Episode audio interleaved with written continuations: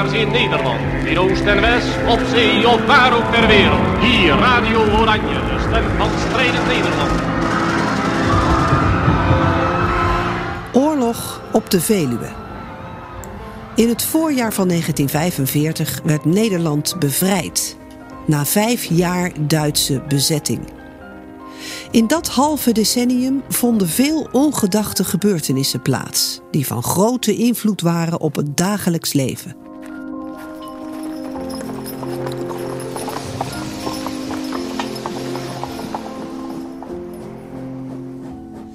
Deze podcastserie passeren bekende en onbekende verhalen de revue.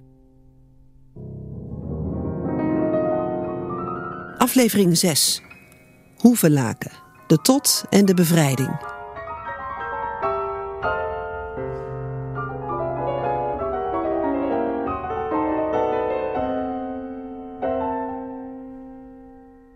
Al voor de Tweede Wereldoorlog was Hoevelaken een belangrijk verkeersknooppunt. Het was dan ook van groot militair belang. De Duitsers bouwden er in de laatste maanden van de oorlog daarom veel nieuwe verdedigingswerken om de geallieerden tegen te houden. Uitvoerder van die bouwwerken was de organisatie TOT. Dat was een beruchte organisatie die veel Nederlandse mannen als dwangarbeider aan het werk zette. Die nieuwe vestingwerken hielden de bevrijding van Hoevelaken niet tegen. Er klopte namelijk iets niet.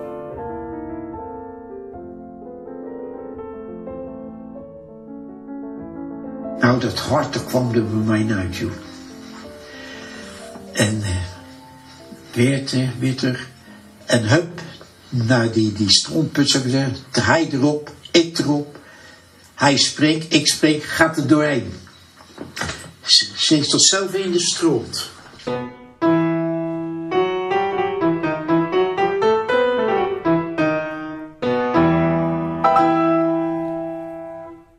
Jan Breda, die je zojuist hoorde, was een van de Rotterdammers die in 1944 aan het werk werden gezet voor de Organisation TOT. Die werd ook wel de OT genoemd. Dat was een Duitse bouwmaatschappij die onder meer verdedigingswerken bouwde bij Hoevelaken. Jan werkte aan loopgraven. Andere mannen hoefden een tankgracht of moesten helpen bij het maken van bunkers. En dat deden ze met frisse tegenzin. En als het kon, probeerden ze er tussenuit te knijpen, wat dus niet altijd lukte, zo bleek uit het verhaal van Jan Breda. Wie tegenwoordig door Hoevelaken wandelt, ziet nauwelijks iets van de vestingwerken terug. Veel wandelaars zullen nauwelijks vermoeden hoe strategisch dat dorp voor de Duitsers was. En Hoevelaken was zo belangrijk vanwege het wegenknooppunt en de treinverbindingen die er lagen. Vandaar dat er nieuwe vestingwerken werden aangelegd.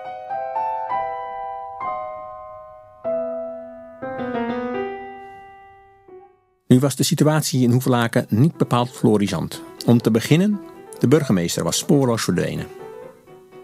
Dat was Jonker Paulus Andries van IJs. Deze Jonker was al burgervader van Hoevelaken sinds 1917, maar in oktober 1944 was hij ondergedoken. Die maand was operatie Market Garden mislukt en werd de bevrijding van Nederland op de lange baan geschoven. In vliegende vaart begonnen de Duitsers met de moed der wanhoop met de aanleg van nieuwe verdedigingswerken. Dat werd de zogenaamde Pantherstellung. De bouw daarvan lag dus in handen van die Organisation TOT, de OT. Die organisatie was een op militaristische leest geschoeide bouwonderneming die alleen al in Nederland tienduizenden dwangarbeiders inzette. Ook de aan te leggen verdedigingswerken bij Hoevelaken maakten daar deel van uit. Voor mij ligt een prachtig koffietafelboek over de verdedigingswerken in Nederland. En ook die Duitse panterstelling wordt daarin besproken. En ik zoek dat even op in het boek.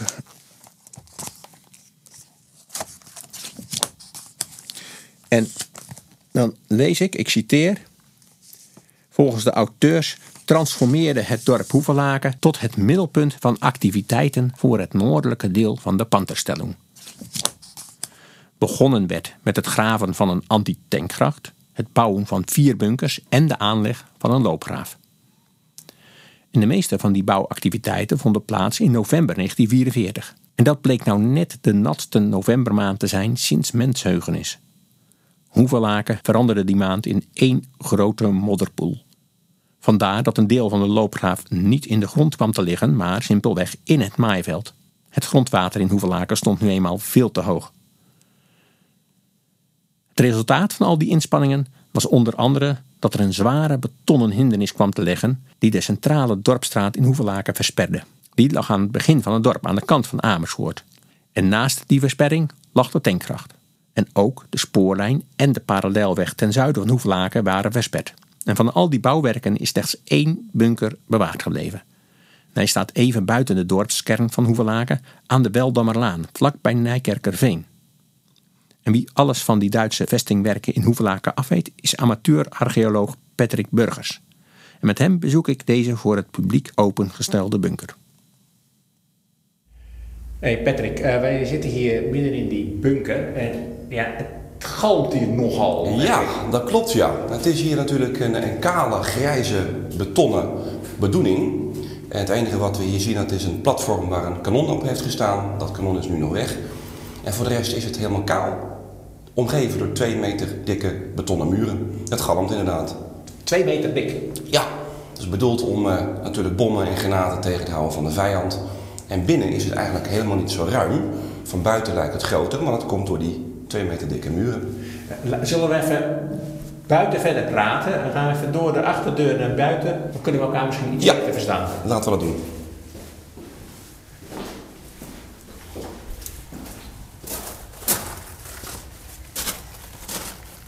Oké, ja, dat is, uh, dit gaat iets beter. Mm -hmm. um, dit is een bunker uit, uh, uit 1944. Uh, wie heeft deze bunker gebouwd?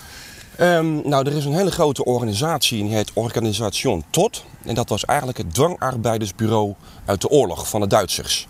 En die hebben in uh, het najaar van 1944 zijn ze begonnen met de aanleg van bunkers, tankgrachten en loopgraven.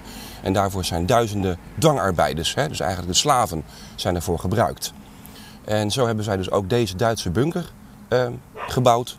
En die is uh, gereed gekomen op uh, 21 december 1944. Dat weten we door een inscriptie op het dak, gekerfd in het natte beton, door een van de dwangarbeiders. Oké. En uh, die organisatie tot, die zat hier ook in Hoevelaken? Ja, ja dus uh, dat is een hele grote organisatie geweest en die hebben regiokantoren gehad. Uh, zo ook in deze regio. En te weten, in Huizen Hoevelaken heeft een regiokantoor gezeten. Uh, dat kantoor dat hield de administratie bij van alle dwangarbeiders die uit de omstreek kwamen. En dat was uit Leusden, Woudenberg, Amersfoort, Hoevelaken, Nijkerk. Die werden hier dan te werk gesteld. Administratie werd bijgehouden in Huizen Hoevelaken. Nu is het aardige dat de geallieerden zijn daarachter gekomen. En die hebben in december 1944 geprobeerd dat regiokantoor te vernietigen. Dus Huizen Hoevelaken is beschoten. Gelukkig is dat uh, niet goed gegaan. Ja, gelukkig kun je zeggen voor Huizen Hoevelaken, maar vervelend voor de dwangarbeiders. Uh, want de fosforraketten die kwamen niet tot ontbranding. Administratie bleef intact, maar daarmee ook Huizen Hoevelaken.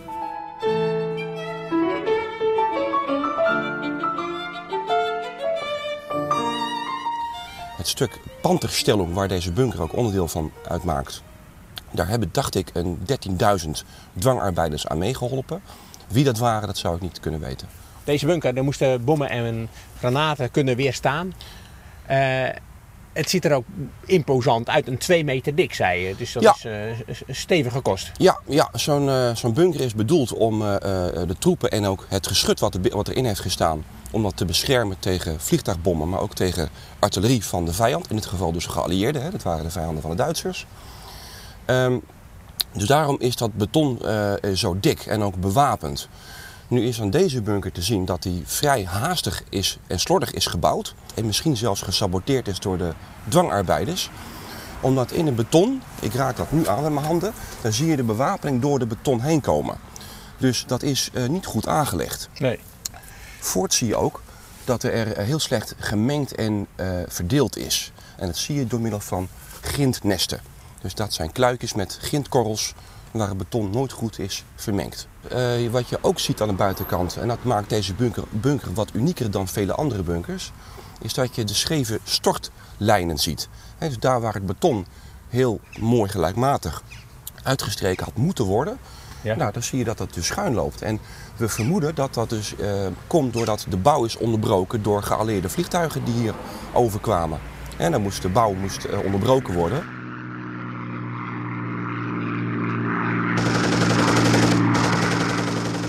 En dan droogt dat beton droogt niet, op, niet goed op, op de verkeerde manier. En dit is het enige wat overgebleven is? Ja, er hebben in totaal hebben er vijf bunkers in Hoevelaak gestaan. In de gemeente Nijkerk, ik dacht zo rond de 15. In Hoevelaak is dit de enige overgebleven. Uh, de andere die zijn uh, of vernietigd of afgezonken. En in Nijkerk staan er ook nog twee. Uh, dit is de enige die toegankelijk is gemaakt voor het publiek. er hangen binnen ook hele mooie informatieborden. En hij is rondom is hij heel mooi te bekijken. We lopen nu aan de voorkant van de bunker en dat is een, het is een behoorlijk schietgat. Ehm, wat, wat ook opvalt is dat dat gat dat is getrapt. Dat wordt steeds kleiner als je naar binnen toe gaat.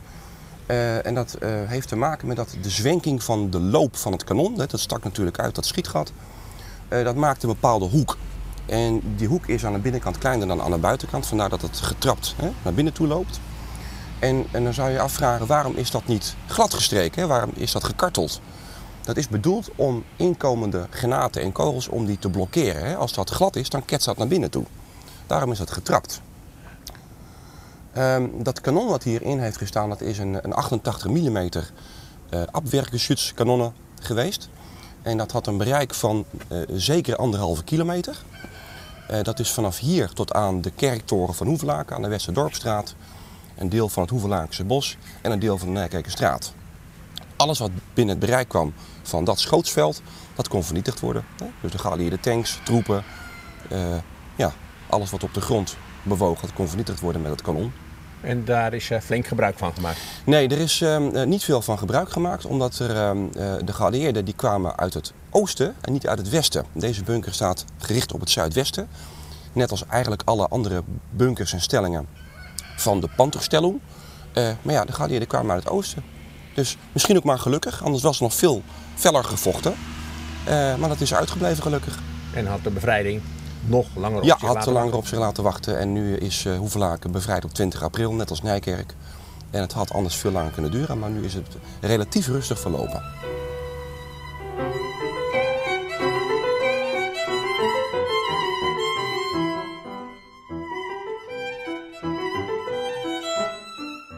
Heimen de Jong was 20 jaar toen hij in 1944 voor de TOT moest gaan werken.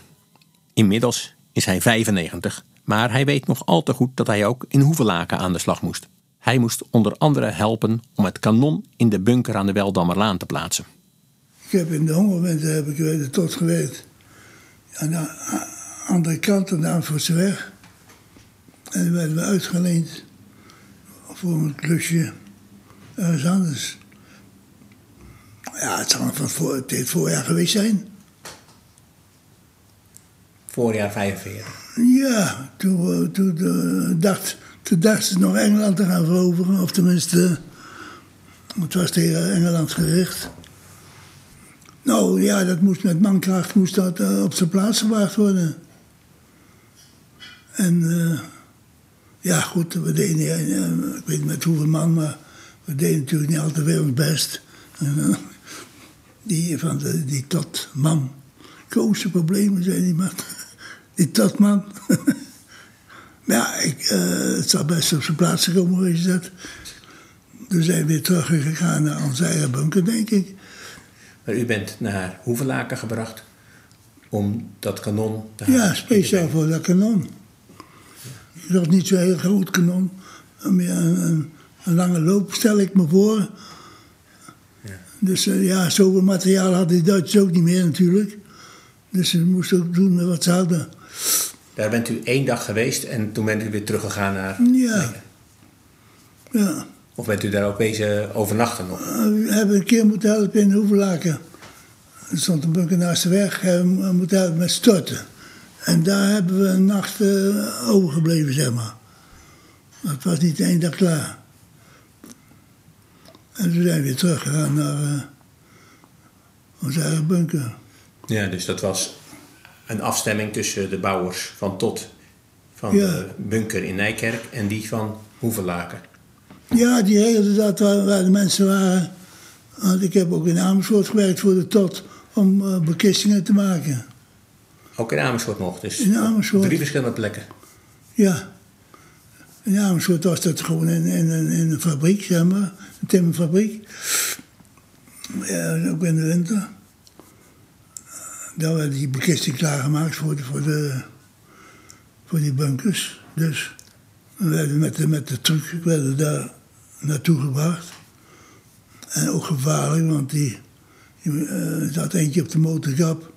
En achter zaten ze te kijken naar de jagers. Toen hebben we geweest dat we bij Hoelaak uitsprongen. Dat de jagers in de lucht zaten.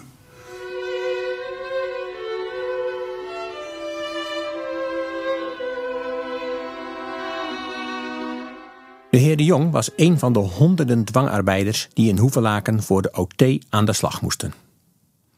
Nu kwam De Jong uit Nijkerk, maar veel van die mannen kwamen uit Rotterdam en Schiedam. Ze waren opgepakt tijdens de razzia van 10 en 11 november 1944. Action Rozenstok hadden de Duitsers die razzia genoemd. Het was de grootste razzia die ze in Nederland hebben gehouden. In totaal waren daarbij maar liefst 52.000 mannen opgepakt. Een deel van die mannen werd naar kamp Amersfoort gebracht en later naar de Maria Stichting. En dat is een dependance van dat kamp. Al snel moesten enkele mannen uit de Maria Stichting naar Hoevelaken lopen om daar te werken aan loopgraven. Dat vertelde de heer Jan Breda, die werd geïnterviewd voor het project De Reis van de Razzia. Dat wil zeggen, de Razzia van Rotterdam. En toen ging ik naar de Maria Stichting in Amersfoort. Daar lag heel die groep die toen ook opgepakt waren. Toen moest ik de, was daar ook een soort voorman van een van de uh, opgepakten. En die zei, ja, morgenochtend uh, vroeg op, vijf uur, want we moeten we lopen naar Hoeverlaken. Hoeverlaken. En nou ja, goed, soms vijf uur. Dus soms vijf uur op, of vier uur, vijf uur. Vijf kilometer lopen naar Hoeverlaken. En moesten we loopgraven maken. Voor die Engelsen die daar toen de tijd geland waren, want ze waren bang die achteraf dat die Engelsen optrokken, moesten we loopgraven maken. Weer en wind, weinig eten. En we keken al naar het eten, dan moest je met een kruiwagentje zo die plank op neergooien weer terug. En dan liep je die soldaat heen. Soms vliegt daar een laag over. Of het nou Engelsen waren of Duitsers, dat, dat kan ik niet herinneren. Maar dus, we schrokken wel ontzettend. Altijd. Nou ja, en dan uh, was het twaalf uur. En dan mochten we eten. En dan werd een stal van een boer. Mochten we dan in. En ik had zo honger en ik was zo mager, mager, mager, mager. En dan lag er stro en dan had je dan die korreltjes en die haalde ik dan eruit, weet je, en die at ik dan op. Maar die boer daar, die had een ketting gespannen. Dus enkel, die groep die stond daar en die boer stond daar, die had daar een fornuis. En die was aan het bakken. Of, of koken, dat weet ik niet meer. En ik was zo, en dan een van de grijze, vieze, gore, stinkende soep, joh. Dat was zo vies. Ik denk, en hij had ook een hele grote hond. En die hond die had dat, uh, die kreeg dan het eten wat het nou was. Ik denk, nou weet je wel. Dus ik riep die boer, zei meneer. Ja, zegt hij. Ik zeg, kan ik een keer ruimen met, uh, met die hond? Hij zei, nee, nee, nee. Hij zei, want die hond die wordt al zo mager. Ja, zo waar ik hier zit hoor. Dus dan kreeg ik het niet. Dus ik werd zo mager, mager, mager, mager. En op een groenband uh, ik met een Schiedammer. En die zei, joh Jan, zullen we gaan vluchten? Ik zei, nou, zeg we een beetje link. En dan had je daar een binnenplaats. En dan hadden we gekeken en dan liep er een, Duitser.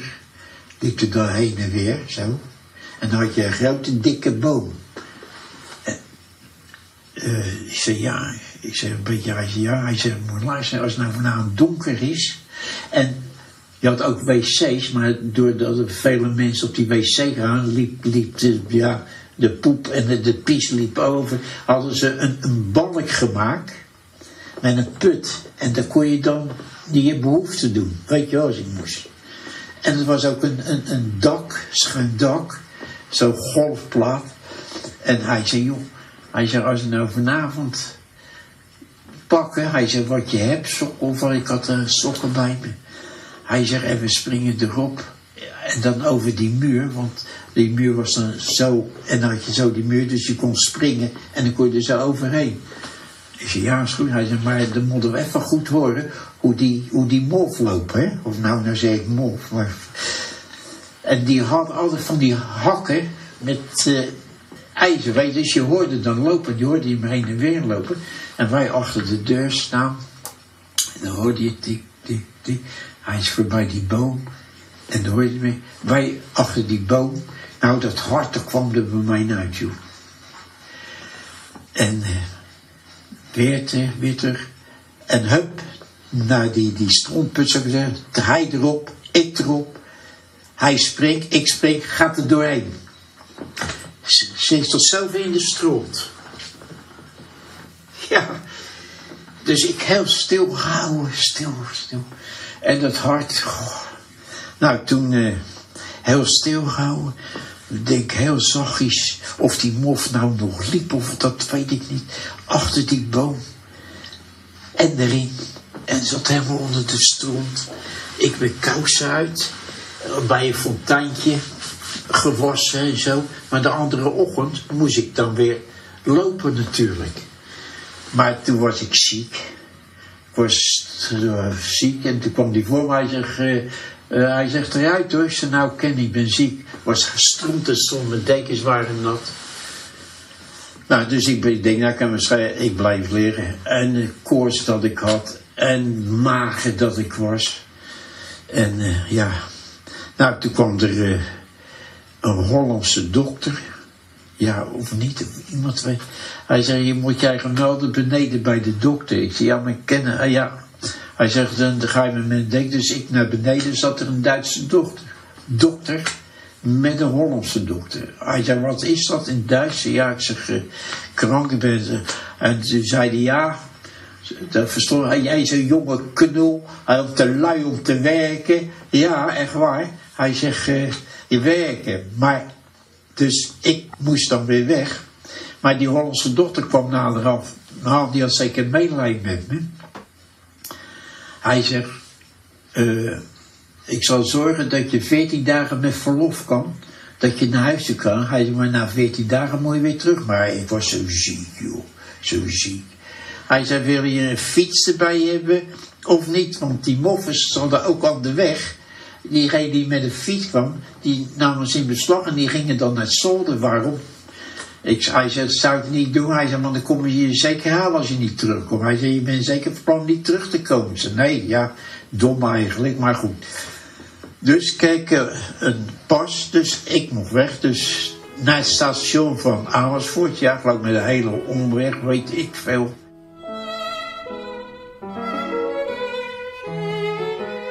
De hondszieke Jan keerde eenmaal thuis, uiteraard niet terug naar Amersfoort. Ja, hij zou me daar gek geweest zijn.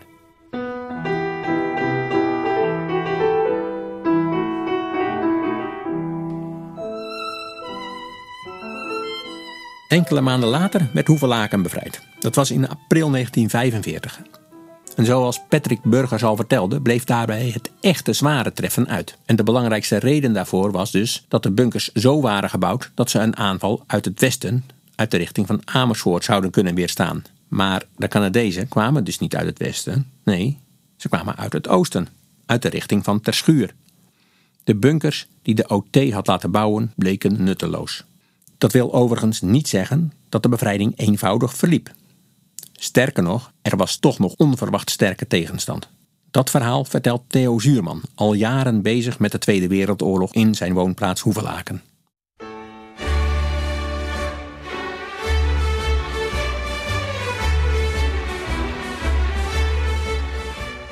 Het verhaal van de bevrijding is op zich uh, simpel.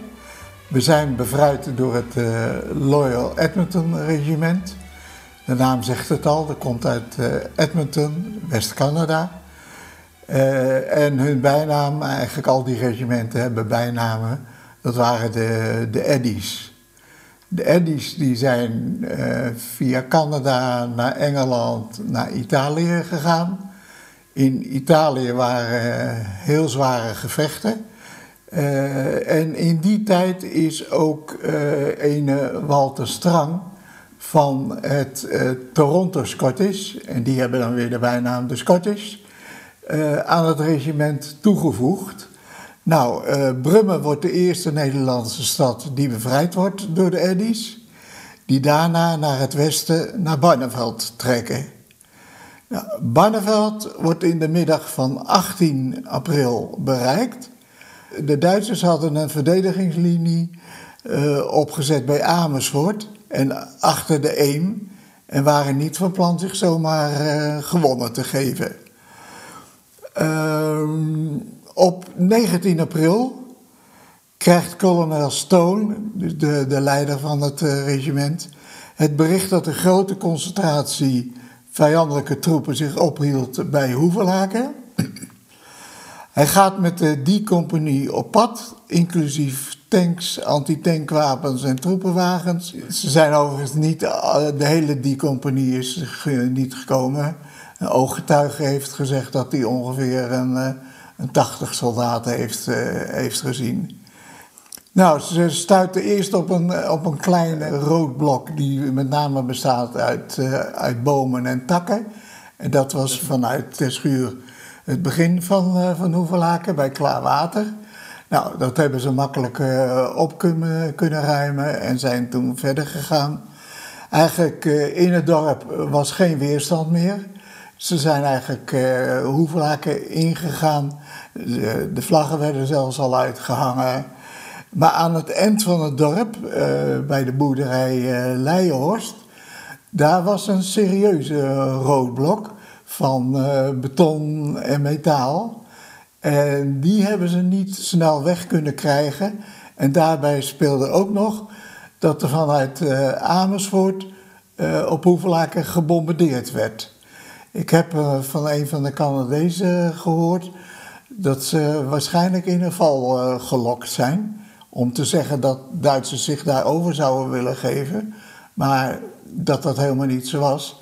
En dat ze dan een makkelijke schietschijf werden. Toen begon het schieten.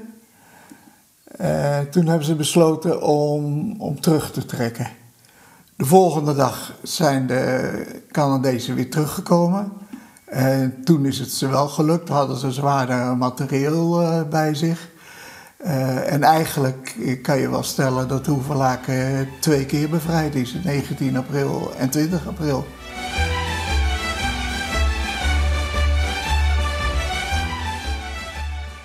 Onder de Hoevelakense burgers vielen vooral door Canadees vuur enkele slachtoffers. Een Rotterdamse timmerman, die ook bij de OT te werk was gesteld, dook op 7 april 1945, zo'n twee weken voor de bevrijding, bij een boer buiten het dorp onder.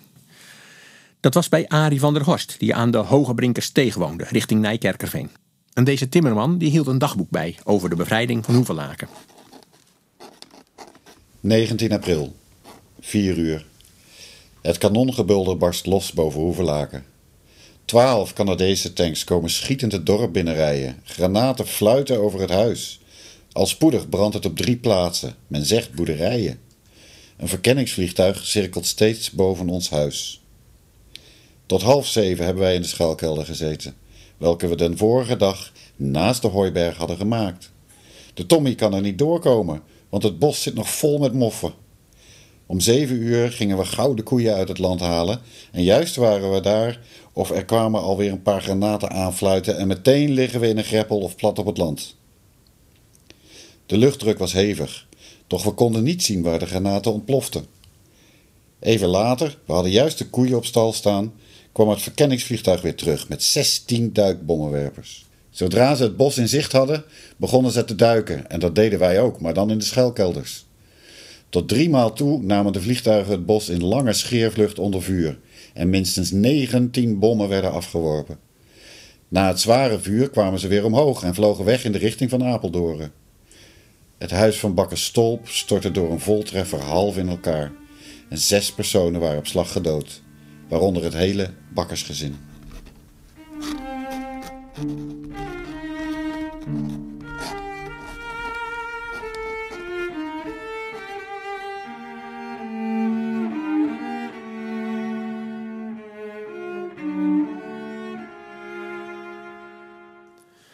Achteraf bleek overigens dat in het huis van bakker Stolp geen zes, maar vijf slachtoffers waren gevallen. Maar dat is een schrale troost. De strijd ging nog twee dagen door. En op 19 april moesten de eddies zich echter terugtrekken toen ze onder vuur kwamen te liggen. Een dag later werd Hoevelaken alsnog definitief bevrijd. Maar ondertussen hadden de verschrikkelijkste geruchten de ronde gedaan, noteerde onze Rotterdamse onderduiker. 21 april. Om 10 uur komt er een man op blote voeten aangerend. Buiten adem, vertelt hij. De moffen zijn weer in het dorp en schieten alle jonge mannen neer. Ook komen er vrouwen langs gevlucht met bedden en dekens. Gijs, Lammert en ik gaan verder terug op Nijkerk aan. Hier is ook veel schade. Van een Tommy een pakje Engelse sigaretten gekocht. Dat is weer heel wat anders, zo'n Virginia. Om half twee lezen we de nieuwsberichten. En het eerste wat we zien is dat Hoevelaken is bevrijd. Om drie uur zijn we dan weer thuis.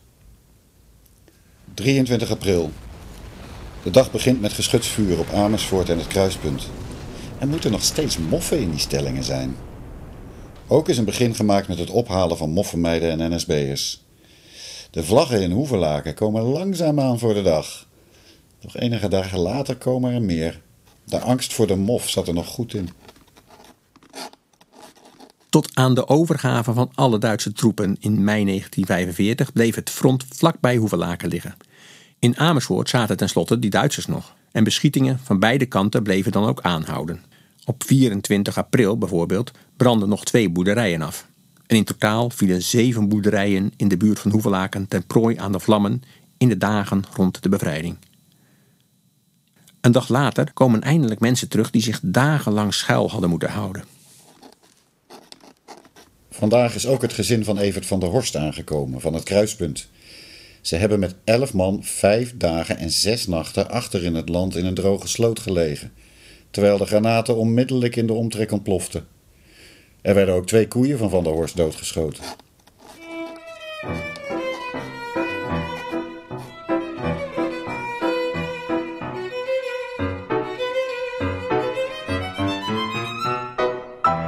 Maar in de dagen die volgden leek toch echt het einde van de oorlog daar te zijn. De beschietingen namen af en het werd rustiger in Hoevelaken. Negen dagen later, op 5 mei 1945, was het vrede. En begrijpelijk werd er na de bevrijding gefeest. Maar dat gold niet voor iedereen. Voor familie van de slachtoffers was feestvieren moeilijk. Onder hen bevond zich ook burgemeester Van IJs, die terugkwam uit zijn onderduik. Waar hij zich precies heeft schuilgehouden is niet bekend. Maar wat wel zeker is, is dat hij treurde om zijn zoon, die tijdens de oorlog was omgekomen. En daarbovenop kwam voor hem de teleurstelling dat hij niet meer als burgemeester mocht terugkeren.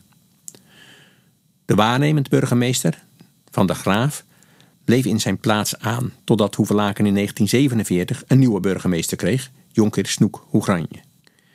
Extra wrang voor Jonker van IJs was dat hij geen eervol ontslag kreeg, ook al zette de commissaris der koningin zich nog zo voor hem in. In het zuiveringsdossier van burgemeester Van IJs in het Nationaal Archief somt de zuiveringscommissie in een nota van 4 maart 1946 haar motieven op om de burgemeester niet langer in zijn functie te handhaven. Het is een document vol formele juridische taal, maar de nota geeft wel duidelijk aan dat het besluit op stevige en vooral ook officiële gronden is gefundeerd. Gebleken is dat, toen de SD naar aanleiding van de meistaking in 1943 een inwoner der gemeente wilde arresteren, de Duitsers door de burgemeester voor nadere bijzonderheden naar de NSB-veldwachter van S werden verwezen, ten gevolge waarvan de arrestatie onder medewerking van laatstgenoemde plaatsvond en het slachtoffer twee dagen later werd gefusilleerd. Vermoedelijk op last van de Duitse autoriteiten beval de heer Van IJs toen de begrafenis in alle stilte te doen plaatsvinden, waarbij slechts de bloedverwanten in de eerste graad aanwezig mochten zijn. Voorts heeft betrokkenen medewerking verleend in zaken de pogingen tot arrestatie van zekere Tromp en diens zoon, illegale werker, door op verzoek van de SD opdracht te verschaffen aan de distributiedienst dat aan Tromp junior geen bescheiden meer mochten worden verstrekt. Hij stelde de SD in kennis van hetgeen door hem ter zake was verricht en deelde voorts mede dat de familie van Tromp zich vermoedelijk in Zelhem bevond en alles in het werk gesteld zou worden ten einde Tromp junior te arresteren. Toen Tromp senior ter dood was veroordeeld en men de burgemeester verzocht een verzoek om gratie in te dienen, heeft hij dit geweigerd, daar hij vreesde bij de Duitse autoriteiten in ongenade te zullen vallen en zich op beroepend dat degene die een actie tegen de bezetter ondernam daarvan ook de consequenties moest dragen.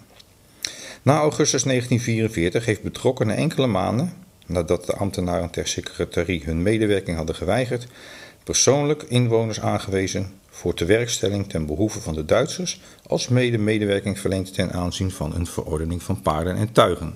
Bij zijn onderduiken in oktober 1944 heeft de heer Van IJs verzuimd het bevolkingsregister in veiligheid te stellen. Ten gunste van betrokkenen mogen worden aangevoerd dat hij in zijn hart anti-Duits als mede anti-NSB was, terwijl hij zijn toestemming toe verleende dat zijn dochter belangrijk illegaal werk verrichtte, waartoe in de woning van de burgemeester nogal het een en ander geschiedde. De adviescommissie adviseert tot het verlenen van ongevraagd eervol ontslag, zulks met toepassing van artikel 1 sub a van het KBF 221. Zij motiveert het advies door er onder meer op te wijzen dat de beleidsfouten van deze functionaris, die reeds 62 jaar is en zijn enige zoon tijdens de bezetting heeft verloren, in hoofdzaak zijn toe te schrijven aan zijn gebrek aan inzicht in de taak van een burgemeester in bezettingstijd. De heer Van IJs munt eerder uit door zachtheid van karakter dan door intelligentie. Voorts heeft de adviescommissie in aanmerking genomen dat de financiële omstandigheden van de burgemeester verre van rooskleurig waren. Ten slotte mogen wel als vaststaand worden aangenomen dat de NSB-veldwachter van S in vele gevallen als de boze genius en de instignator der gedragingen van de heer Van IJs moet worden beschouwd. Hoewel het centraal orgaan de ten gunste van betrokkenen aangevoerde verzachtende omstandigheden ten volle wil laten gelden, is het toch van mening dat enkele tegen de burgemeester ingebrachte klachten van dusdanig ernstige aard zijn dat het verlenen van het predicaat eervol in het onderhavige geval als niet verantwoord moet worden beschouwd. Ware het niet dat de burgemeester de door hem gestelde laakbare daden niet in hun volle omgang kunnen worden aangerekend, daar hij zich ten gevolge van een volkomen gebrek aan inzicht van zijn fouten nauwelijks bewust was. Dan zou het onderhavige geval wellicht tot het adviseren van een ontslag krachtens artikel 2 lid 1 van het zuiveringsbesluit 1945 hebben geleid. Het Centraal Orgaan mogen uw excellentie derhalve op grond van het bovenstaande in overweging geven betrokkenen te ontslaan krachtens artikel 2 sub b van het Koninklijk Besluit van 10 oktober 1945 nummer F221. Burgemeester van IJs werd dus ontslagen. En niet omdat hij van ontrouw aan de zaak van ons koninkrijk, aan ons of aan onze regering heeft doen blijken, zoals dat namens koningin Wilhelmina in het koninklijk besluit was geformuleerd, nee, maar op grond van artikel 2 sub b. En voor wie toevallig niet weet wat dat artikel inhoudt, vertel ik dat even. Dat artikel hield in dat na onderzoek was gebleken dat voor Van IJs geen formele ontslaggrond was gevonden, maar dat zijn houding, en ik citeer, in verband met de bezetting zodanig is geweest dat hij in zijn betrekking niet kan worden gehandhaafd. Oneervol, ontslagen en gebroken door de dood van zijn zoon, vertrok Jonkheer van IJs definitief. Hij overleed in 1962 in Utrecht.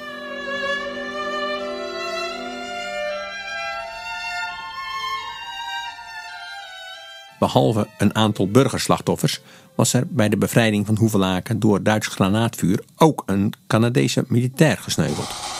Dat was de eerder genoemde Walter Strang uit Ontario.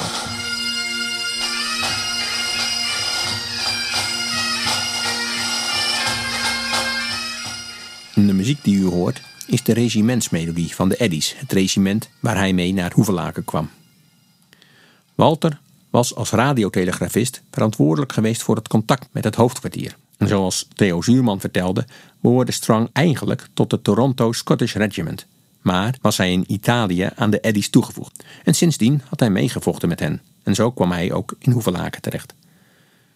Theo heeft sinds 2005 veel gedaan om de gedachtenis aan deze soldaat levend te houden.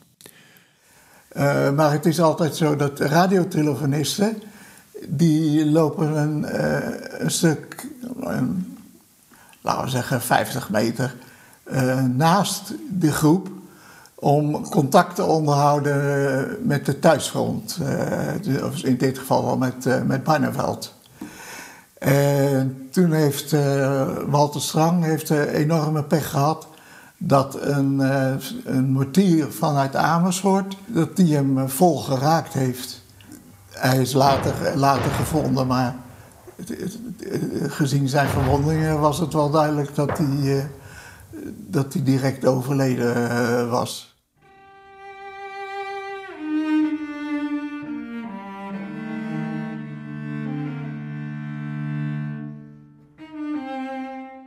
Een boer genaamd Peter van Ruitenbeek, die in de boerderij Kleinhoven woonde aan de Weldammerlaan, die heeft hem op 21 april heeft hij strang in een loopgraaf gevonden. En dat heeft hij, dat heeft hij gemeld. En is zijn, is zijn lichaam geborgen. Ja, wat ik zelf altijd heel apart vind is dat uh, Walter zo'n week voor de wapenstilstand uh, op 28 april gesneuveld is. Terwijl hij uh, 1667 dagen als vrijwilliger, hè, als vrijwilliger gediend had. Dat is natuurlijk wel, wel heel triest. Tijdens zijn zoektocht naar herinneringen aan Walter Strang reisde Theo stad af. En zo bezocht hij ook Strangs familie in Canada. Maar wat dreef en drijft Theo in zijn kweesten om de herinnering aan die private Walter Strang opnieuw tot leven te wekken? Ik hoor dat het hem raakt wanneer hij erover vertelt. Nou, ik ben van na de oorlog, 1947, maar ik heb op een of andere manier altijd interesse in oorlogsverhalen. En ook met name, uh, wat ik altijd heel imposant vond, dat was uh, het graf van de onbekende soldaat. En ja, op 4 mei 2005 uh, stond, ik, uh, uh, stond ik bij het monument hier in, in Hoeverlaken. En ja, toen bleek eigenlijk dat ene W. Strang, dat hij eigenlijk ook een onbekende soldaat was. Want niemand wist wat van hem in Hoeverlaken. Ik ben toen navraag gaan doen. En toen ben ik terechtgekomen bij de Commonwealth Wargrave Commission. En daarin vond ik dat Walter Strang in Groesbeek begraven lag. Dus ik uh, naar Groesbeek op zoek naar het graf. op dat graf, uh, op die grafsteen stond uh, dat hij vanaf het Loyal Edmonton regiment kwam. En dat hij 36 jaar was, wat basisinfo. Nou, toen denk ik, ben, uh, ik heb A gezegd, dan moet ik ook B zeggen. Dus toen heb ik contact gezocht met de Eddies.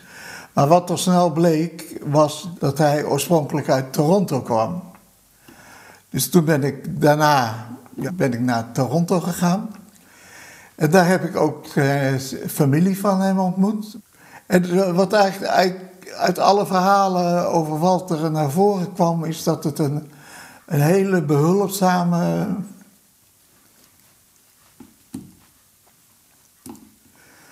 hele behulpzame man was. Die, uh, die ook, hij was natuurlijk een van de ouderen. Uh, en dus ook voor de militairen om zich heen was hij ook een soort vaderfiguur. Dat waren allemaal jongens van 18 tot 20 jaar en uh, hij was 36.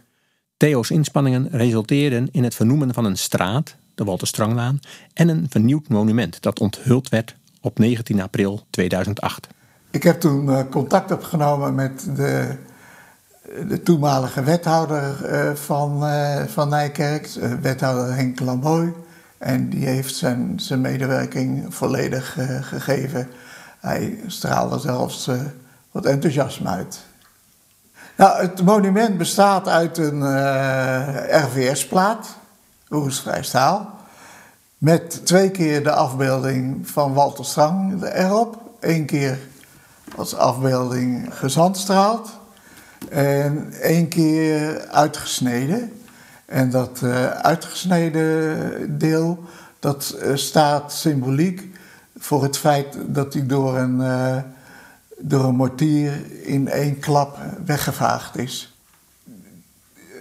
Toen hebben we tijdens het maken en het uitsnijden van het deel heb ik eh, tegen Gert Ham, die, eh, die, het, eh, die het gemaakt heeft, heb ik gezegd van, joh, laten we dat nou maar bewaren. Je weet nooit waar het goed voor is.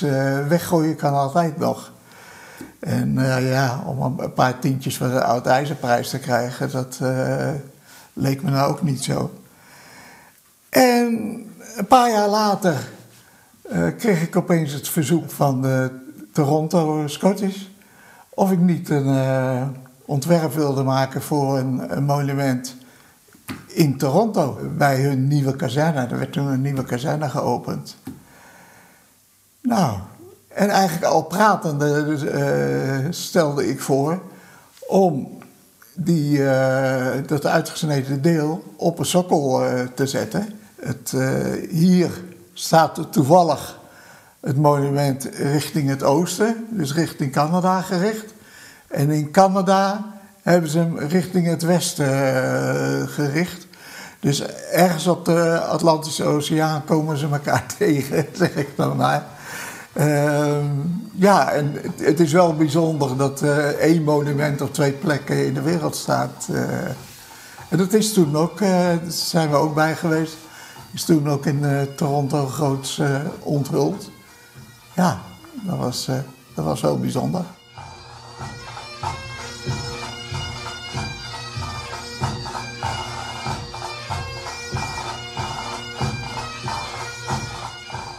Ken Frowland was 21 jaar in 1945. Hij was ook radiotelegrafist, net als Walter Strang. En Frowland zag tegen zijn 15 jaar oudere maat op. En hij was compleet van de kaart toen hij hoorde dat Strang was gesneuveld. Om dat te begrijpen had hij aan een half woord genoeg. Ook na 70 jaar kon hij daar moeilijk over praten toen Maarten van Troostwijk hem daarover interviewde. En dat was tijdens de laatste keer dat Ken Froland naar Hoevelaken kwam om zijn vriend Walter te eren. Een jaar later overleed Ken. We spent a lot of time together. Uh, we got along uh, real well. Mm -hmm. Walter was uh, uh quiet sort of guy. Walter was een hele rustige jongen. He didn't get involved with anything much, uh, you know. Uh, he didn't play poker and like us guys did. Uh, he didn't go drinking and chasing girls and stuff. Hij dronk niet, hij speelde geen poker. Uh, hij zat niet achter de meisjes aan.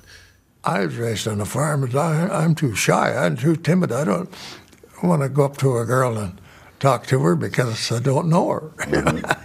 en ik, nou ja, ik was een hele rustige jongen. Ik kwam van het boerderij en ik was uh, veel te verlegen om een meisje aan te spreken, want ja, die kende ik niet. So Walter and I uh, kind of hit it off. He was he was married. He, he wrote a letter uh, almost daily to his wife. Uh -huh. Maar Walter, die was getrouwd en hij uh, schreef bijna dagelijks wel een brief aan zijn vrouw. So it, it worked out real well. It, he was older than me. Um, by how much? Uh, about, uh, he was 36 and I was 21 uh, when we got up here. Nou ja, hij was ook een stuk ouder dan ik. Hij was um, 36 en ik was 21. I would ask him, what, what are we going to do? What we, should we do? And mm-hmm. I go to him for instructions, you know, because he was older and should know better and probably kept me out of a lot of trouble. Ik ging naar hem toe als ik instructies nodig had. Ik vroeg hem wat ik moest doen. And uh, the sergeant came to the house that, that we were in. Een uh, sergeant kwam bij ons. It was a porch on, on, on a farmhouse, or it seemed like a farmhouse in uh, Barneveld. We zaten toen in een soort boerderij in Barneveld. And he said, uh, I need a radio man to go with us up there, you know, to report what's going on. En hij zei, ik heb een radioman nodig om uh, door te geven wat daar aan de hand is. Walter, Walter was there. I was there. En ik was daar en Walter was daar. And uh, he said, I'll go. En Walter zei, ik ga wel. He got, he got killed that day.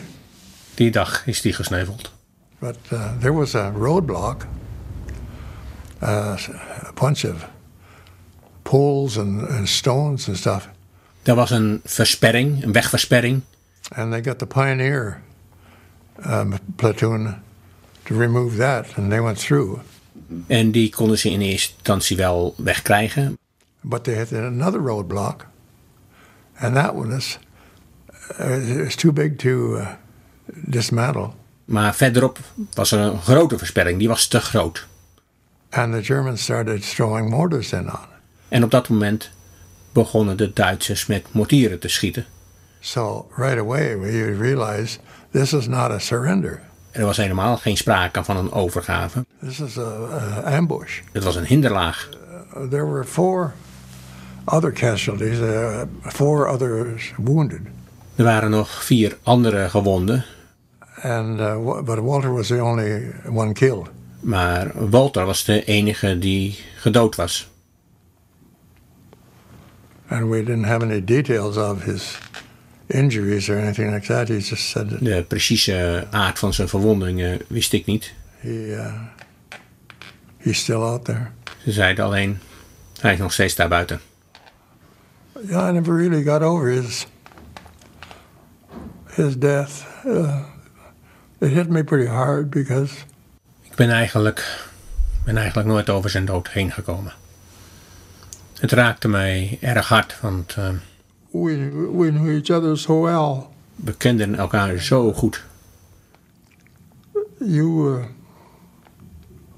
you form a bond. We hadden zo'n goede band. I think uh, more so in the army than you do it as a family. Want in het leger heb je vaak een veel sterkere vriendenband. Nog sterker dan de band in je familie. Het is nu 70 jaar geleden. En ik voel het nog steeds. Here it's uh, 70 years ago, and I can still feel it. Was een aflevering van de podcastserie Oorlog op de Veluwe. De muziek die u hoorde kwam uit de Rhapsodie Orientale van de Joodse componist Andries de Rosa. Rosa werd in Sobibor vermoord op 30 april 1943. Daarnaast hoorde u de vioolsonate van Samuel Scheuer, 12 december 1942 vermoord in Auschwitz. En van de schilderschrijver-componist Bob Hanf hoorde u het strijkkwartet in C. Hanf werd vermoord in Auschwitz in 1944. Datzelfde jaar werd ook in Auschwitz de componist James Simon vermoord. U hoorde zijn Arioso voor cello. U hoorde ook stukken uit de prelude voor piano opus 1 nummer 1 uit 1940 van Misha Hillesum. Deze muziek werd gebruikt met vriendelijke toestemming van de Leo Smit Stichting te Amsterdam, kenniscentrum over componisten die tijdens de Tweede Wereldoorlog vervolgd zijn. De Schotse doedelzakmuziek waren de regimentsmelodieën van de twee Canadese regimenten waar Walter Strang aan verbonden was. Bonnie Dundee van de Eddies en ter afsluiting All the Blue Bonnets Are Over the Border van The Scottish.